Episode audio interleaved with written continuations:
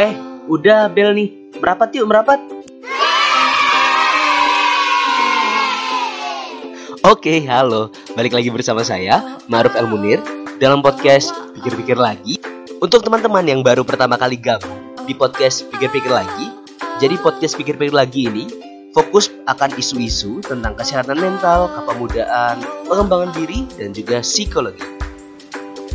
Di episode kali ini saya akan berkolaborasi dengan seseorang yang ya dalam bidangnya sudah tidak bisa diragukan lagi karena levelnya sudah internasional gitu ya, yaitu Rona Mentari. Seperti di judul, saya di sini akan saya di sini dan Karona gitu ya akan membahas tentang bercerita dan bergong, berdongeng kaitannya dengan manfaatnya bagi diri dan sekitar. Simak selengkapnya ya. Yuk, langsung aja kita mulai. 3 2 1.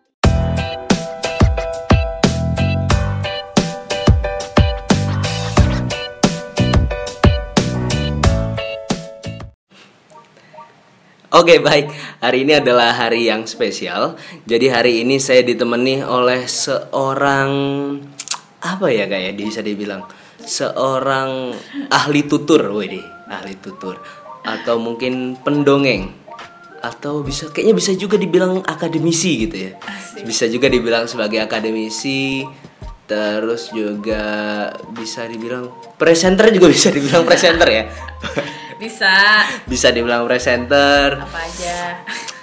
Ya inilah tadi yang sudah saya perkenalkan di pembukaan yaitu Rona Mentari. Teman-teman sudah pada kenal nggak ya Rona Mentari? Mungkin kalau akan lebih asiknya disambi dengerin saya memperkenalkan Rona Mentari, mungkin bisa sambil di biarkan di belakang dulu sound ini, terus sambil dicek Instagramnya di @rona mentari ya. At Mentari Rona. Oh Mentari Rona malah Instagramnya Instagramnya Mentari Rona Biar nanti semakin tahu siapa sih sebenarnya Mentari Rona ini Asik. Tapi kayaknya sih udah pada tahu ya Lebih terkenal dari saya yang jelas Ya Bohong. itu tadi ini adalah hari yang menarik buat saya pribadi Jadi asal mula saya dan Kak Rona itu bertemu kayaknya sudah tiga atau empat tahun yang lalu. Iya. dulu dari sepertinya mirip-mirip dengan Mas Gun gitu karena saya juga kenalnya dari Forum Indonesia Muda juga. Eh, jadi terima kasih Forum Indonesia Muda memperkenalkan saya dengan orang-orang yang super duper hebat-hebat semuanya. Jadi setelah saya kenal dengan Karona Karona ini juga memulai gimana ya saya sebutnya? Saya mulai mengenal dekat Kak Rona dari yang namanya komunitasnya yaitu Rumah Dongeng Mentari yang saya banyak terjun di sana. Jadi Ma'ruf ini salah satu relawan eh, yang paling eh, digemari sama anak-anak Uh, gitu ya. digemari. Dan udah sering jadi apa koordinator acara-acara Rumah Dongeng Mentari juga loh. Tepuk tangan buat baru. ya, itulah. ya itu tadi Karona Mentari. Terus jadi untuk hari ini kenapa saya memilih untuk wah kayaknya seru juga kalau bikin podcast sama Karona. Jadi ada banyak hal latar belakangnya. Salah satu latar belakangnya ya karena yang tadi dibilang Karona, saya sering berkecimpung juga di acara Dongeng Mentari termasuk berbagai pelatihan dongeng ya.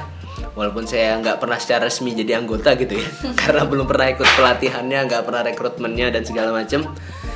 Salah satunya pernah di suatu pelatihan, kayaknya tahun lalu, di tahun lalu di acara tempat apa tuh gue? Omah apa tuh? Eh, mana ya? Yang tempat TK, TK. Omah psikologi apa? Oma Perden. Oh, Omah Perden. Perden. Di Omah Perden jadi itu adalah sebuah bisa dibilang suatu pendidikan khusus untuk bis- fokusnya pada perkembangan anak lah bisa dibilang sederhananya seperti itu. Iya. Lalu di sana saya mengikuti saya kebetulan jadi MC ketika itu nggak salah ya. Oh ya MC, jadi MC terus ketika itu Karona sendiri yang menjadi trainernya yang di mana ketika itu ada sebuah penjelasan yang sangat menarik. Salah satunya mungkin saya sudah akan tuliskan nanti di deskripsi gitu ya penjela kata-katanya seperti apa. Yaitu kata-katanya kalau tidak salah nanti mau dikoreksi. Kata-katanya bercerita itu lebih penting eh lebih penting gimana? Eh, jadi itu kalimatnya aslinya dikatakan sama Aslinya? Alice Walker ya dalam bahasa Inggris kata-katanya adalah every people need story more than they need food jadi setiap orang tuh membutuhkan lebih banyak cerita daripada makan Nah itu dia. Jadi setiap orang itu ternyata lebih butuh bercerita daripada makan. Jadi ketika saya mendengar kalimat ini, kata-kata ini, ketika itu saya langsung flashback. Flashback dalam arti sepanjang hidup saya, Cie, sepanjang sepanjang hidup itu kira-kira seberapa sering sih saya makan dan seberapa sering saya bercerita. Dan ketika saya dipikir-pikir, wah ternyata kayaknya bukan bukan lagi bisa dibilang ada benernya, tapi emang bener ini. Hmm, Ibaratnya saya sebagai seorang lelaki aja bisa bilang ini bener, apalagi seorang wanita yang dikenal dengan terbiasa untuk bercerita sedari kecilnya. Wah. Dan kemudian ini karena di podcast saya ini kebetulan akhir-akhir ini banyak bercerita tentang kesehatan mental juga. Nanti salah satu yang akan dibahas di podcast ini juga bagaimana saya lihat ternyata dari bercerita itu memiliki banyak dampak begitu ya untuk bagi untuk kehidupan kita lah. Entah itu secara personal atau pula secara common ya secara umumnya. Baik itu yang mendengarkan baik itu yang bercerita. Nah terus ada satu lagi yang menjadi menarik. Dulu Kak Rona juga pernah bercerita ternyata Kak Rona ini sudah bisa dibilang seperti mendarah daging. Wah berceritanya. Oke. Bercerita. Jadi dulu Karona pernah bilang di suatu forum juga pernah bercerita ternyata karena sedari kecil tuh udah terbiasa untuk kalau misalkan pulang sekolah tuh selalu bercerita ke orang tua dan sebagainya. Mungkin Karona bisa cerita dulu yang tentang ini? Oke, jadi ini hal yang mungkin nggak akan disampaikan ya kalau nggak dalam forum-forum gitu karena eh, menurut saya ini hal yang salah satu hal fundamental lah kenapa seorang Rara Mentari bertahan di dunia storytelling sampai sekarang dan kenapa fokus. Jadi dulu tuh eh, aku tuh bukan anak yang percaya diri gitu, Ruf. Jadi anaknya tuh minderan, nggak seperti sekarang lah. Orang kalau ngeliat sekarang tuh Rona mungkin over confidence ya kadang-kadang mungkin mungkin ya tapi tapi sebenarnya eh, saya dulu nggak seperti itu. Jadi pas masih kecil tuh anaknya minderan nggak punya temen gitu. Dulu kan kalau misalnya TK biasanya gimana sih Ma'ruf main-main kan pasti keluar istirahat itu pasti lagi masih main karena ada permainan. Nah aku tuh nggak karena eh, ada perasaan minder itu bahkan ketika istirahat tuh nggak main di luar bisa dihitung dengan jari deh aku main di luar tuh kayak cuma 1 sampai tiga kali aja seumur hidupku di TK ya aku lebih sering untuk bantu bu guru di dalam eh, ruangan untuk misalnya naruh sendok karena kita ada makan siang. Terus aku juga punya teman pun cuman satu yang kenal banget. Itu pun beberapa tahun kemudian aku ketemu sama dia dia udah lupa dengan diriku. Padahal aku hanya mengingat dia. Aduh sedih banget ya. Oke anyway nah setelah itu eh ada tapi momen yang sangat membahagiakan ketika aku masih TK itu. Walaupun aku anak yang eh, bukan Minderan anak yang menjo- bukan anak yang menonjol dan bukan anak yang menonjol ya tapi anak yang minderan itu adalah pengalaman didongengi sama guru TK ku. Oh. Jadi secara sadar aku tuh mendapatkan pengalaman didongengin yang indah itu pertama kalinya ketika TK sama guru TK. Nah aku senang banget ketika mendengar dongeng, senang sekali. Nah eh, seperti saat pulang sekolah, pulang TK kan seperti biasa, seperti pada umumnya ibu-ibu mereka selalu bertanya gimana tadi di sekolah kayak gitu kan. Nah aku akan menjawab dengan pengalaman yang paling aku eh, senangi yaitu pengalaman didongengin. Jadi aku bilang iya mah tadi aku didongengin. Oh iya terus didongengin apa? Nah pertanyaan dari orang tua itu, dari ibu itu kemudian membuatku e, mendongengkan ulang dongeng-dongeng yang disampaikan guru TK aku tuh ke mamaku. Iya. Hal yang baru aku sadari hari ini belakangan ini adalah mamaku itu kan pendengar pertamaku. Dia adalah pendengar terbaik yang akan mendengarkan ceritaku dengan penuh atensi. Nah itu hal yang eh, baru aku sadari hari ini. Kalau misalnya mamaku nggak menjadi pendengar yang baik, aku pasti nggak akan bisa bertahan menjadi seorang pendongeng karena aku nggak Iya. seneng, ya kan? Karena aku punya pengalaman eh, tidak didengarkan dengan baik. Tapi alhamdulillahnya ya ini mungkin kodarullah juga ya. eh, mama sebagai pendengar yang baik itu menjadi pendengar pertamaku dan itu kemudian aku sadari juga bahwa mendongeng it's not just about telling tapi juga tentang mendengarkan dan menjadi orang tua menjadi siapa pun itu lebih baik kita uh, lebih banyak mendengarkan. Dari mendengarkan itu kita akan kemudian bisa menyampaikan uh, dan bercerita dengan jauh lebih baik lah kayak gitu. Awalnya kayak gitu. Jadi dongeng merubah. Dari yang minder sedikit demi sedikit jadi percaya diri. Dari situlah kemudian aku mulai berani untuk ngomong. Oke. Terus karena kalau tadi balik yang kalimatnya si Alex siapa Alice Walker Alice Walker tadi hmm. gimana Karona kalau Karona ketika itu pertama kali mendengar kalimat itu yang pertama kali langsung ditangkap itu interpretasinya seperti apa? Jadi kalimat ini disampaikan sama satu orang namanya Moira. Dia tuh temen aku di New Zealand. Jadi aku tuh ketemu dia karena uh, dia adalah host dosenku pas kuliah di New Zealand. Oh. Nah, pas aku ada kesempatan ke New Zealand, dosenku titip hadiah buat dia. Jadi uh, aku berkenalan sama dia karena aku harus mengirimkan hadiah itu, uh. menyampaikan dia secara langsung. Nah, dari obrolan kita, akhirnya aku cerita kalau aku suka mendongeng kayak gitu kan. Terus ternyata Moira ini suportif banget dan pada hari yang sama ketika aku di New Zealand tuh ada event dongeng aku oh. diajak sama Moira aku disuruh mendongeng. Padahal aku belum pernah punya pengalaman mendongeng pakai bahasa Inggris. Dan jangan bayangin aku tuh bahasa Inggrisnya bagus gitu loh Ruf. Ya Allah aku tuh SD tuh 4,6 nilai bahasa Inggrisnya. Jelek banget bahasa Inggrisku. Cuma pede aja. Terus awalnya nggak nggak berani kan nggak mau nggak mau ah, kayaknya nggak bisa deh Moira gitu kan. Semua Moira bilang nggak boleh seperti itu kamu pasti bisa. Kan mendongeng hal yang dilakukan oleh storyteller. Ayo coba saja gitu kan. Terus ya udahlah aku akhirnya punya waktu dua hari buat nyiapin terus pada dua hari setelah itu aku ketemu sama Moira. Terus kita diajak ke tempat acaranya itu. Dan ternyata dia udah bilang sama panitianya. Terus kayak everything was set up actually. Terus mereka manggil namaku. Terus aku mendongeng. Dan itu pengalaman pertama aku mendongeng di luar negeri pakai bahasa Inggris. Dan mereka standing ovation dong oh, aku. Nah si Moira inilah sampai sekarang aku masih berteman baik sama dia. Dia beberapa kali ke Indonesia yang memberikan aku kalimat itu. Jadi ini ada uh, ada quotes ini katanya. Dan quotes itu aku keep terus sampai sekarang. Uh, yang pertama kali apa ya muncul ya dari pikiran dari kalimat itu aku kaget juga. Ada ternyata orang yang ngomong kayak yang gini berpikir ya sampai sejauh itulah. Jadi Alice Walker ini mungkin kalau teman-teman mau browsing ya dia tuh penulis cerita juga. Hmm. pokoknya emang udah inilah uh, kawakan banget lah. Nah uh, terus aku baca ini kan setiap orang dengan membutuhkan lebih banyak cerita daripada makanan. Makan tuh berapa kali sehari sih? Tiga kali lah maksimal lima kali lah sehari. Tapi kalau aku nggak mendengar cerita atau aku tidak bersentuhan dengan cerita dalam sehari gimana ya? Oh iya juga ya sekarang gini deh. Ini kan kita bercerita nih saling yeah, iya, bercerita yeah, ya aku sama Ma'ruf. Teman-teman yang mendengarkan ini tuh dengar cerita iya. oke? Okay? jadi sebenarnya tiap hari kita bersinggungan sama cerita. Kayak juga uh, aktivitasku sama mamaku. Mamaku mendapatkan cerita dong dari aku. Yeah tapi aku juga mendapatkan cerita dari guru TK aku. Dan aku pun menyampaikan cerita.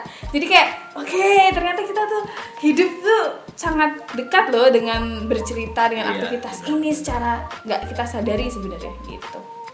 Karena ya gimana ya kalau yang aku tangkap memang cerita itu sebegitu basicnya. Dalam arti hmm saking pentingnya sebuah cerita hmm. sampai-sampainya kalau kita tuh kalau dalam Islam itu kan sebegitu dekatnya dengan cerita dalam arti hmm. kalau seandainya kita bicara tentang hadis saja misalkan hmm. hadis itu dalam masalah periwayatan hmm. banyak banget tentang rawahu itu kola apa itu kola itu kan katanya oh, katanya, katanya. oh iya misalkan contohnya seperti itu terus kemudian yang menarik juga kayak misalkan dalam hadis itu ada juga tentang misalkan ada roa itu saya melihat terus bener, ada bener, juga bener. jadi ini ini sebenarnya ini sudah termasuk saya konsep juga jadi memang ternyata cerita itu sebegitu menariknya dan ternyata sebegitu pentingnya ketika kita mampu merangkum atau mungkin mampu kita apa ya misalnya kita framing dalam bentuk yang tepat dapat disampaikan dengan posisi-posisi yang tepat terus juga dalam konteks-konteks yang tepat mungkin nanti hasilnya akan sangat-sangat menarik. Nah, ya. makanya hari ini termasuk di sini ini yang akan diobrolin sama Kak Rona dan saya juga. Hmm. Jadi bagaimana kita melihat lebih luas cerita tuh dalam berbagai okay. sisi. Hmm. Terus yang pengen saya lanjut lagi. Jadi kalau bahas tentang cerita ini jadi ada hal yang menarik. Ternyata Kak Rona ini sempat menjadi seorang pildacil gitu ya. Pendai cilik, cilik lah seperti itu. Itu umur berapa Kak kira-kira pas waktu itu? 11 tahun 11 tahun. Iya. 11 tahun itu kelas 5 SD kali ya, sekitar. enggak aku itu SMP kelas 1 Eh, 11 tahun. SMP kelas 1. iya SMP kelas 1. iya bener SMP kelas 1 aku 11 tahun Cepet ya. gokil ya? SMP kelas 1 Iya. Oke, SMP kelas 1 Itu sebenarnya asal mulai gimana? Maksudnya siapa sih yang mendorong? Terus dengan latar belakang apa? Akhirnya mau untuk melakukan Eh bukan melakukan Untuk ber- berkompetisi. Oke. Di kompetisi semacam itu. Jadi tuh itu kan dulu booming ya tuh Iya, dulu. Billy Handa Icilik. Eh, jadi aku ikut Pildacil 2. Jadi kan yang memulai itu Pildacil 1, terus lumayan booming, terus ada lagi Pildacil 2. Nah, eh, jadi dulu aku tuh di awal-awal diperdengarkan cerita itu banyak cerita-cerita eh, nabi. Oh, iya. Eh, cerita-cerita nabi yang ternyata baru aku sadari itu adalah cara untuk menalam- menanamkan akidah ke anak ya Iya, Mbak. tapi aku nggak sadar saat itu ya aku taunya senang-senang aja dengerin Iya. ceritanya kan nah dari cerita itu aku punya beberapa cerita kisah nabi yang aku hafal benar gitu. Nah terus ada audisi itu. Terus aku pikir why not kan? Pertama kan ditawarin juga sama orang tuaku tapi orang tua aku kan sangat demokratis ya. Jadi kalau aku nggak mau juga mereka nggak bakal Nggak maksa lah. nggak bakal maksa lah intinya kayak gitu. Eh, terus ya udah ikut aja. Tapi aku bener-bener sama sekali tidak membayangkan Firdansya itu eh, yang bener-bener dai ya. Maksudnya eh, aku tuh nggak ada background pesantren sama sekali. Eh. orang tua aku juga eh, Bukan pendai lah pakai jilbab juga baru-baru aja pas itu ya mamaku. Eh, pokoknya nggak ada keturunan dai lah. Tapi apa salahnya kan dengan dongeng? Terus kan ya udah nyoba-nyoba aja. Aku mendongeng. Jadi aku tuh di sana di audisinya tuh mendongeng bercerita berkisah pakai cerita-cerita nabi. Tapi ternyata masuk kan lolos. Terus juga pas lagi eh, apa namanya aktivitas Pildasil itu final finalisnya itu kan eh, juga aku selalu mendongeng cerita-cerita nabi cerita-cerita eh, orang-orang soleh gitu. Jadi ternyata disukai sama banyak orang dan aku belajar kalau ngaji kan masih kecil belajar cepet ya. Cepet lah. Jadi ya ditambahin ayat aja Iya, kayak gitu kayak gitulah. Sambil aku juga belajar juga kan di karantina itu terus ya udah malah disukai dan sampai grand final juara tiga lah pas itu. Oh juara tiga juara ketika itu. tiga grand final. Saya jujurnya nggak tahu ya Karena ketika itu di SMP saya nggak ada TV ya. Oh kirain masih TK Kan berarti kan sekitar SD ya SD SD aku S eh, Oh iya bener. Kamu SMP Kelahiran tahun berapa? 96 aku beda 4 tahun sama aku. Beda 4 tahun berarti Oh masih SD SD SD Baru sunat itu nggak ada TV ya? Itu kayaknya masih banyak kan main PS lah. Nah itu menarik banget. Ternyata Karona dengan basic mendongeng Basic bercerita Terus ya ternyata sudah sebegitu passionnya ya ternyata ya. Sedari kecil ya itu tadi dengan cerita dulu background sering didongeng oleh guru TK-nya terus kemudian sering ber- dilanjut dengan sering bercerita kepada orang tua terus disupport dengan pendengar yang baik yaitu ibunya Karona dan kemudian sebenarnya sebelumnya sudah sering ikut lomba ngedongeng juga Kak, ketika itu Eh, sebelum Pildacil udah Pildacil. pernah beberapa kali. Jadi kayak pas lagi SD tuh kebetulan aku punya guru yang jago dongeng banget. Sampai sekarang aku juga masih eh, berkomunikasi dengan baik Pak Arif namanya. Nah, Iya. Pak Arif ini tuh salah satu apa?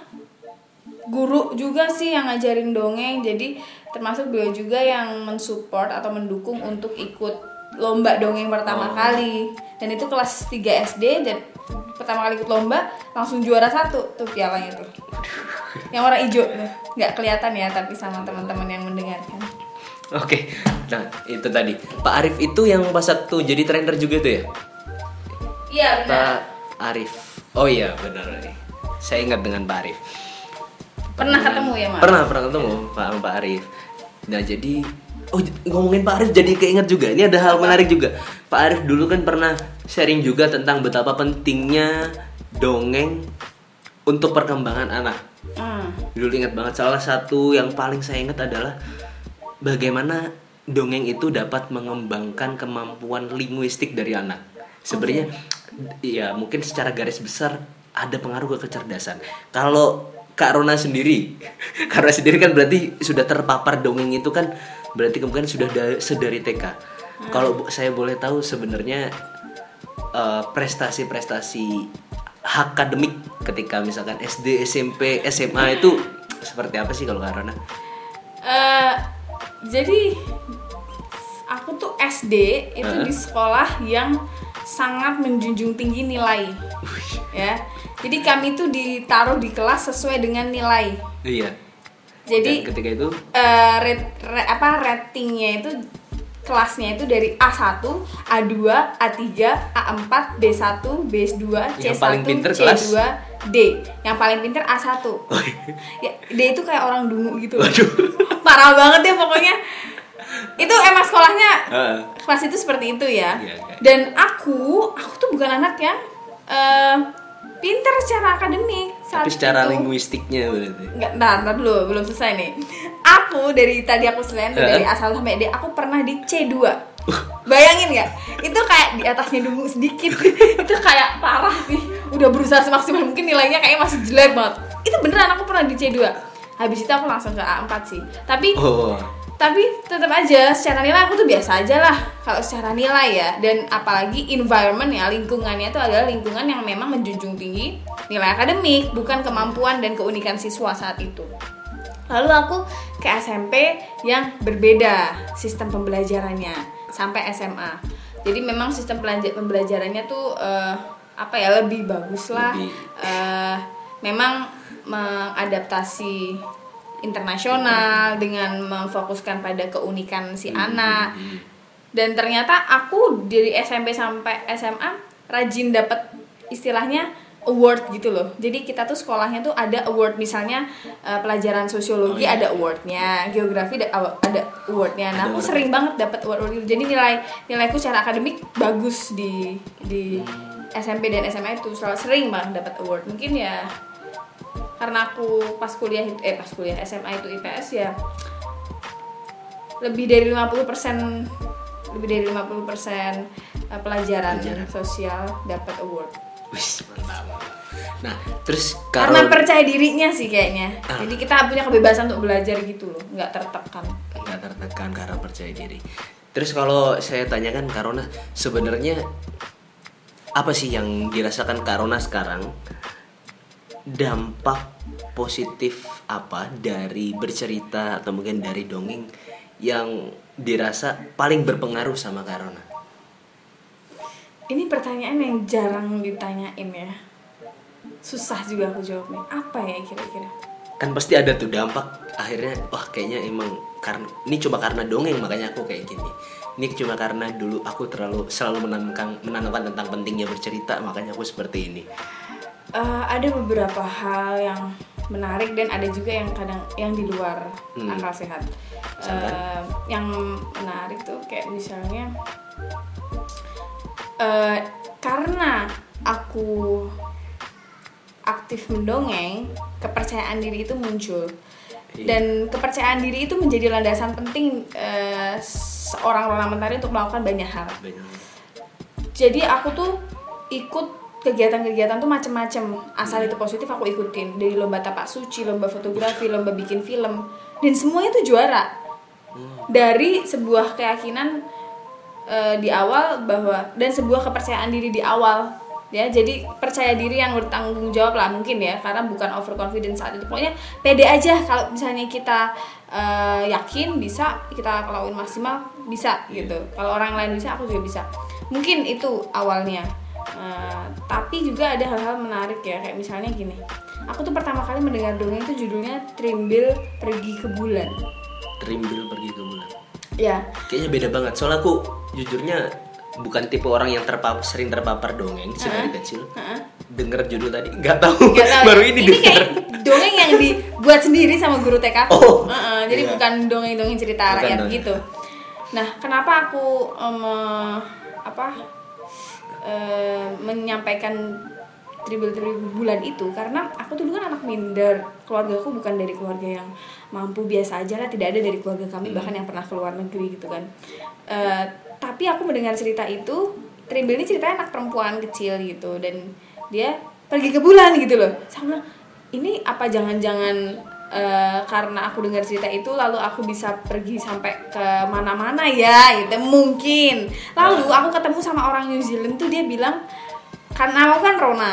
Ternyata di New Zealand itu ada cerita rakyat judulnya Rona and the Moon.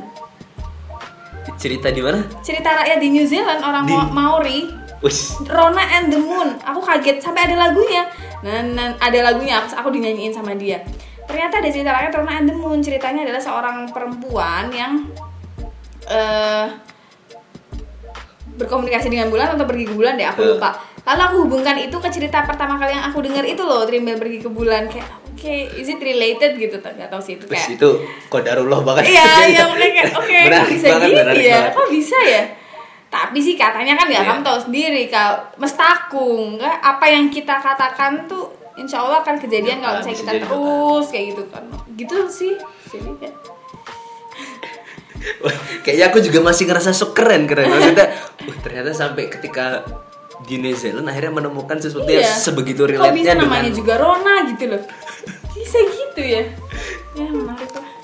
Dan selalu selalu selalu ya kalau aku lagi aku tuh punya mimpi dari dulu sebelum pertama kali mendongeng di New Zealand itu bahwa aku eh, ingin mendongeng di luar negeri membawa cerita Indonesia ke luar negeri dan itu kejadian yang kayak benar-benar merinding gitu bahwa hati-hati loh dengan mimpi kamu jangan jangan eh, takut bermimpi dan jangan sepelekan karena Iya. ini benar-benar akan menjadi nyata Wih. Sik gokil mantap mantap. Woi. Nah itu tadi yang menarik. Terus kayaknya aku jadi inget lagi dulu pernah lagi sharing-sharing gini juga sama Karona. Kayaknya hal ini juga yang mendasari Karona pernah bilang kenapa Indonesia jadi negara yang suka koruptor. Kayaknya ini ini relate. Jadi ceritanya Karona tuh pernah di suatu forum gitu bilang jangan-jangan Indonesia itu menjadi salah satu negara yang korupnya bisa dibilang cukup tinggi karena dulu sering apa karena dongeng yang banyak berkembang di masyarakat adalah tentang apa? Kancil mencuri kancil timun. mencuri timun. Itu sebenarnya apa apa ada relate dari sana? Em, ya gimana ya itu kan ternyata ketika kita fokus sama sesuatu kemudian Allah akan mempertemukan kita dengan ilmu-ilmu yang real- yang berhubungan lah sama apa yang kita pilih.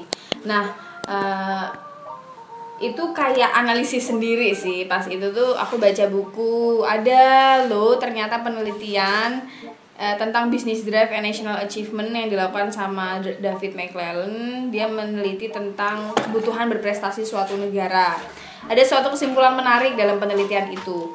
Eh, adalah ternyata masa depan sebuah bangsa itu salah satunya dipengaruhi oleh sastra anak jadi cerita rakyat yang disampaikan sama anak-anak di satu negara itu itu jadi salah satu indikator atau itu jadi salah satu eh, apa ya temuan lah Oh, temuan. dalam dalam penelitian itu dia melakukan penelitian itu di Inggris karena kita tahu Inggris adalah bangsa penakluk yang suka menjajah negara-negara lain Oke. ya sampai sekarang juga masih punya negara persemakmuran dan di Inggris ada dongeng-dongeng banyak dongeng-dongeng yang bertemakan dengan penaklukan iya yang The Dragon and the Knight.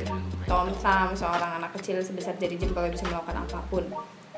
Ini berpengaruh secara eh, ilmiah di dikatakan sama David McClellan itu. Tapi ini penelitian sudah lama sekali. Terus eh, juga ternyata ada kejadian menarik juga di Indonesia. Eh, ada tsunami di Aceh tahun 2004 iya 170 ribu orang meninggal karena tsunami. Lalu di dekat Aceh itu ada pulau namanya Simelu. Pulau ini pulau besar namanya Simelu dengan populasi 78 ribu. Artinya pu- pulau ini adalah pulau berpenghuni yang cukup ramai.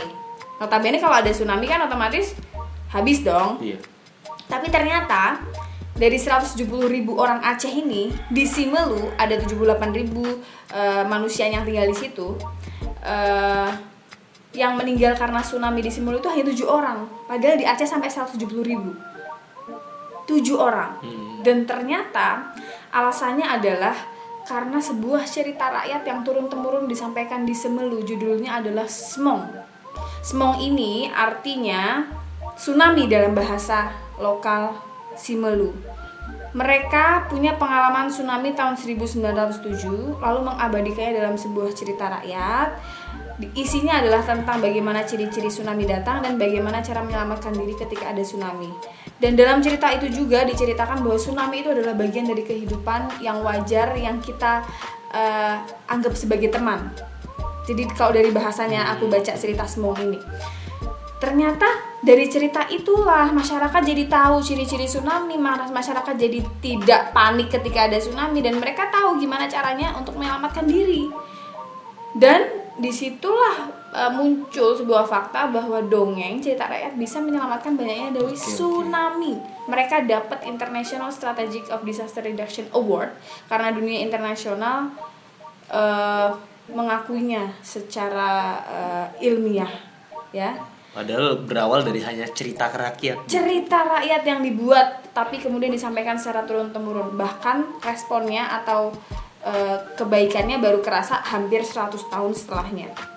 Tapi gini, uh, korupsi itu tadi kalau uh, tadi Ma'ruf tanya soal korupsi, hal-hal itu kan kemudian membuat kita sadar bahwa stories itu matter, cerita itu berpengaruh. Iya. Nah ini jangan-jangan belum ada penelitiannya. Kalau misalnya aku tanya dari Sabang sampai Merauke, pasti aku selalu menjawab jawaban dongeng Kancil Mencuri Timun iya. sebagai dongeng yang paling diingat sama orang-orang dewasa terutama. Jangan-jangan koruptor zaman sekarang dulu didongeng sama dongeng Kancil Mencuri Timun. Iya. Ya, who knows ya, itu tidak yeah, pernah yeah. ada dibuktikan dalam segi ilmiah, tapi itu bisa saja loh berpengaruh gitu. Makanya uh, hubungannya sama uh, si Melu tadi bahwa kalau dongeng saja bisa menyelamatkan banyak nyawa dari tsunami, maka dengan dongeng juga kita bisa menyelamatkan masa depan bangsa jadi lebih baik. berat menarik, ya? menarik, berat, berat, berat. Tapi itu ya dimulai dari hal yang kecil lah. Nah ini kayaknya udah menjelang akhir, udah hampir 30 menit. Karena ini kan saat ini bisa dibilang seperti sudah uh, mengabdikan dirinya ke dunia literasi. Dalam arti ini dongeng lah. Nah, seperti okay. itu. Sebenarnya Karuna sendiri sebagai seorang penutur pendongeng sebenarnya visi misi dari Karuna sendiri itu apa sih?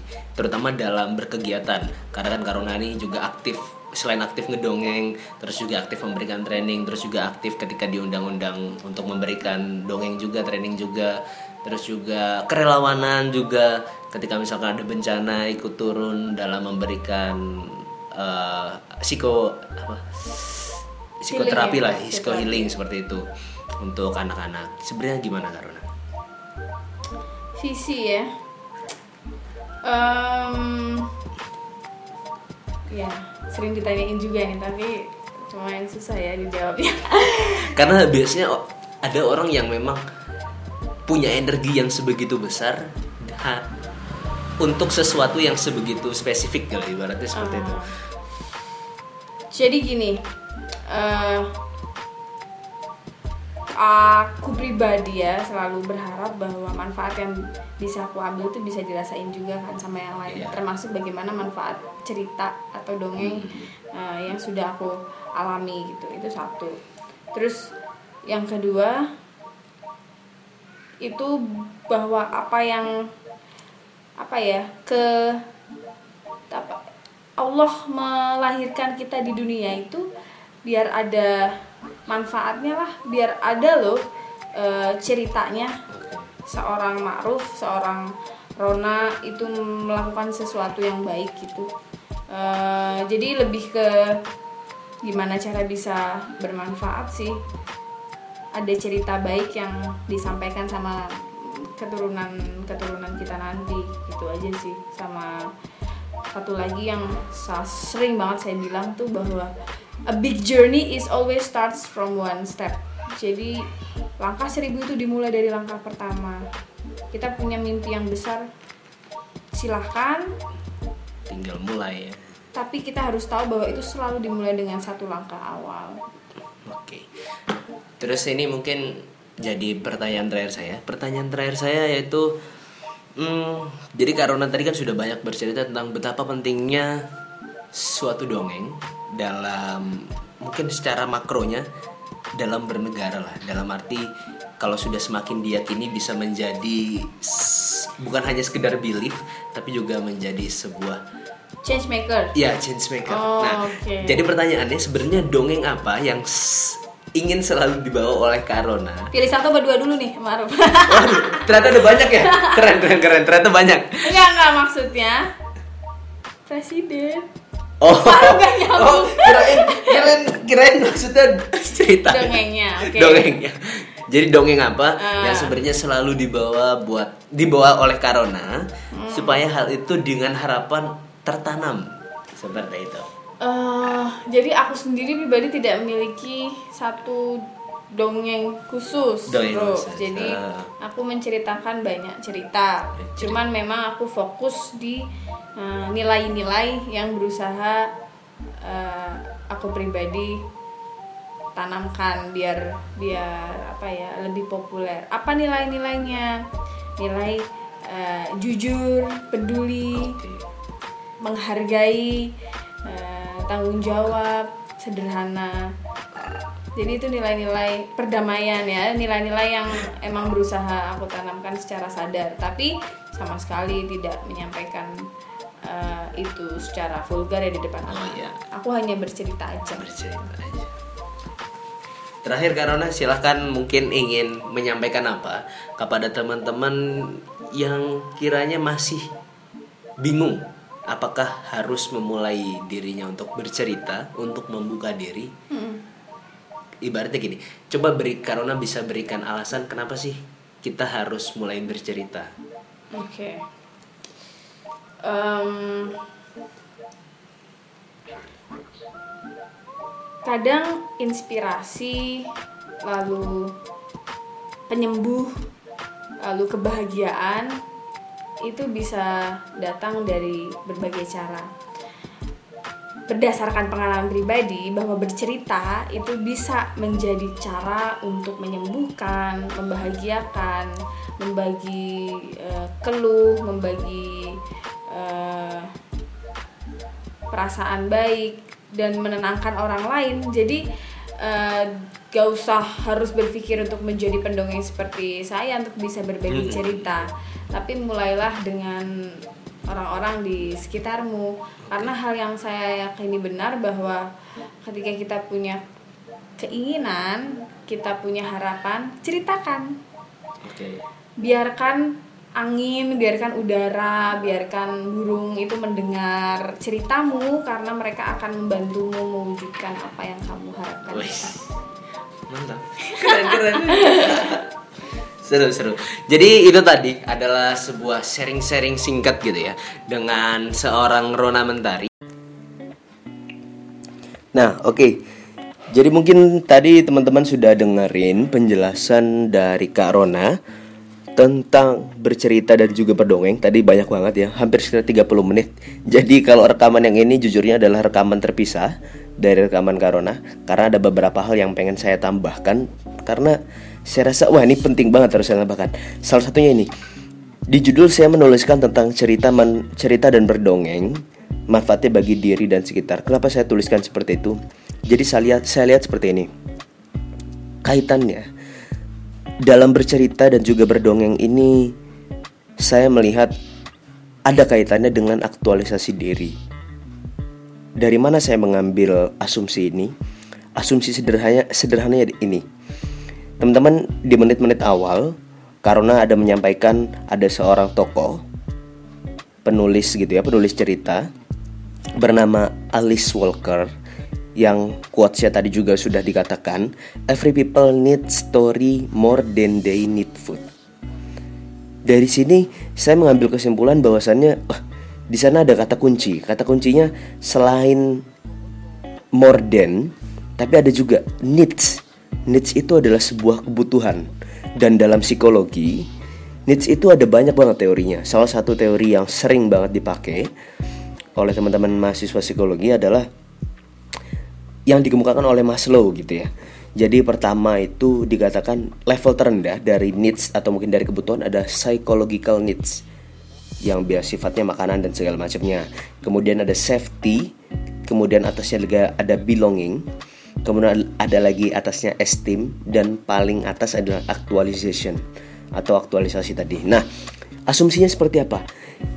Jika dikatakan every people need story more than they need food, saya melihat bahwasannya, ah, ternyata bisa dikatakan kalau seandainya dicocokkan dengan kebutuhannya uh, teori kebutuhannya si Maslow berarti ceritanya berada di bawah psikologikalnya belum bukan lagi masuk dalam psikologikal tapi di bawahnya.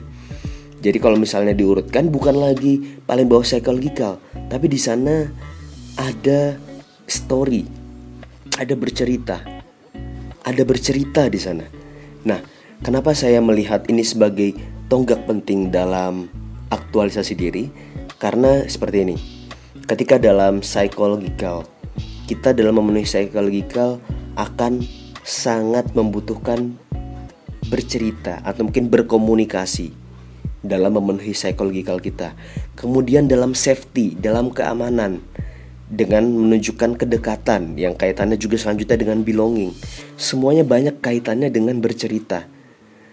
Entah itu dari bagaimana kita bercerita kepada orang lain dan orang lain memberikan uh, memberikan waktunya untuk mendengarkan dengan baik, menjadi pendengar yang baik. Kemudian muncul juga ada tingkatan selanjutnya ada esteem di mana itu uh, rasa berharga bahwasannya wah ternyata aku berharga ya untuk orang-orang di sekitarku. Aku tuh berharga dan juga aku punya penghargaan ya seperti ini.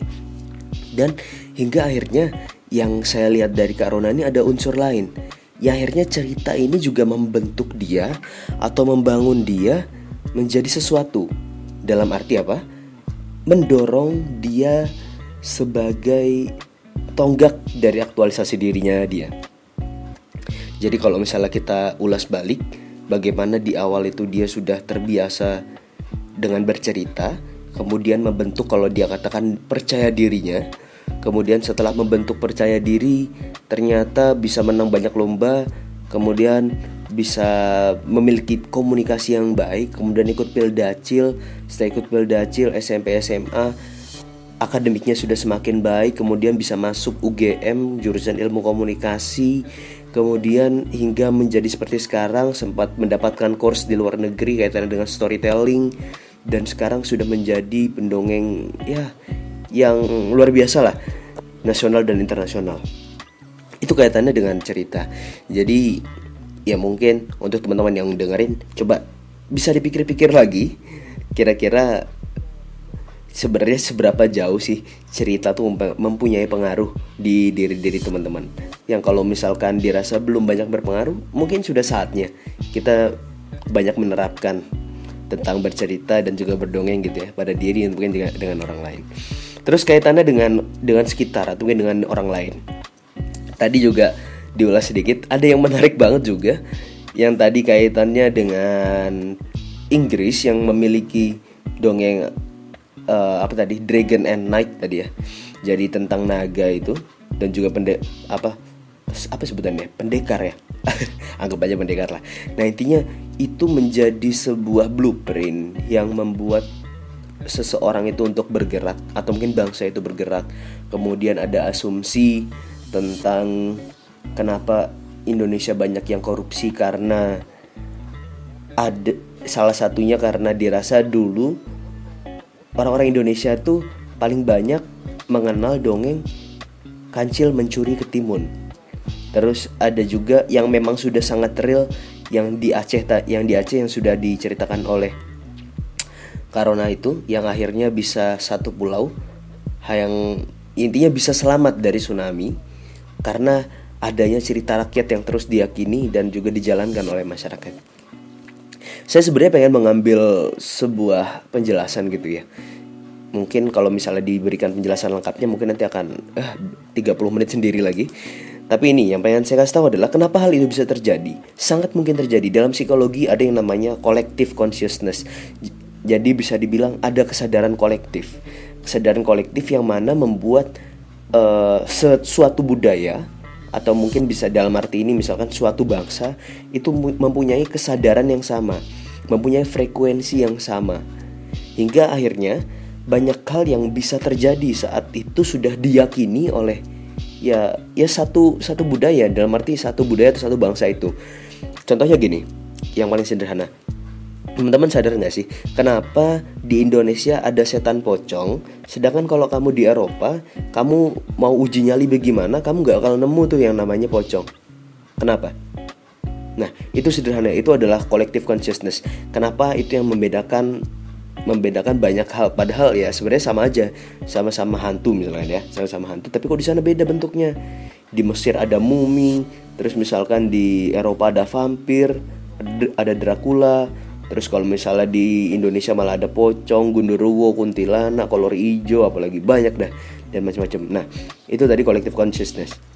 Jadi memang yang saya ambil dari sini adalah ternyata sebegitu pentingnya cerita atau mungkin dongeng yang perlu diyakini untuk ya ya bisa dibilang yang mungkin suatu saat akan menjadi blueprint dari suatu budaya atau mungkin bangsa kita ya jujur-jujurnya karena setelah mendengar cerita dari Karona nanti juga mungkin nanti ke depan saya akan milih-milih ya. Ketika saya akan mungkin bercerita atau berdongeng dengan siapa saja orang-orang di sekitar kita orang-orang tersayang saya gitu.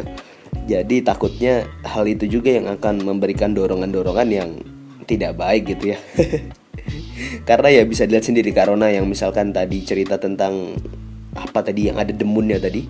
Cerita tentang seorang kecil yang ke bulan terus ketika ke New Zealand ketemu dengan sebuah cerita juga yang relevan Rona and the Moon itu wah itu ya membuat saya ngelus dada lah ngelus dadanya dalam arti wah ternyata sebegitu luar biasanya Allah memberikan uh, suatu rencana terbaiknya untuk Karona dalam dalam konteks ini. Nah, ya udah, kayaknya sudah sudah cukup panjang ini. Jadi rekaman terpisah ini sudah saya tambahkan gitu ya di hari setelahnya karena saya baru selalu. Jadi hari uh, Maksudnya podcast ini adalah podcast tribute untuk dalam rangka Hari Dongeng Sedunia yang dirayakan setiap tanggal 20 Maret gitu ya. Nah, ya udah, semoga teman-teman suka dengan podcast ini dan semoga banyak manfaat yang bisa diambil.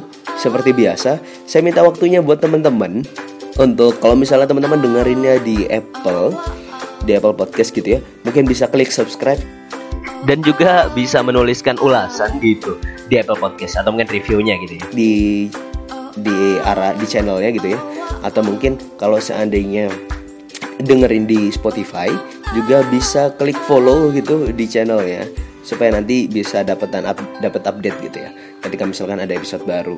Kemudian ya seperti biasa jangan lupa untuk sebar terus konten positif. Jangan biarkan konten-konten negatif aja yang tersebar jangan cuma konten-konten negatif isinya cuma kebanyakan debat karena akhir-akhir ini menjelang pemilu gitu ya.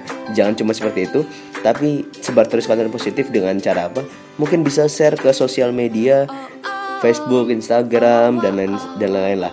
Kalau Instagram silahkan banget sangat oh kalau bisa kalau boleh saya kalau bisa saya wajibkan saya wajibkan ini.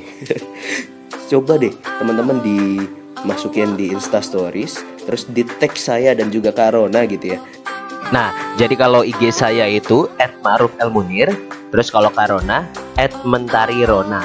Atau mungkin nanti bisa sambil di share bagian-bagian menarik di review gitu. Kayaknya akan banyak yang mendapat manfaat lagi gitu ya. ya udah, mungkin itu aja dari saya. Kurang lebihnya mohon maaf. Semoga nanti kita ketemu lagi dengan ya gestar-gestar lain lah yang menarik-menarik. Nanti mungkin bisa DM saya juga usulin kira-kira saya harus collab sama siapa lagi. Ya udah, itu aja. Kurang lebihnya mohon maaf. Wabillahi Wassalamualaikum warahmatullahi wabarakatuh. Sampai jumpa di podcast pikir-pikir lagi episode selanjutnya. Dadah.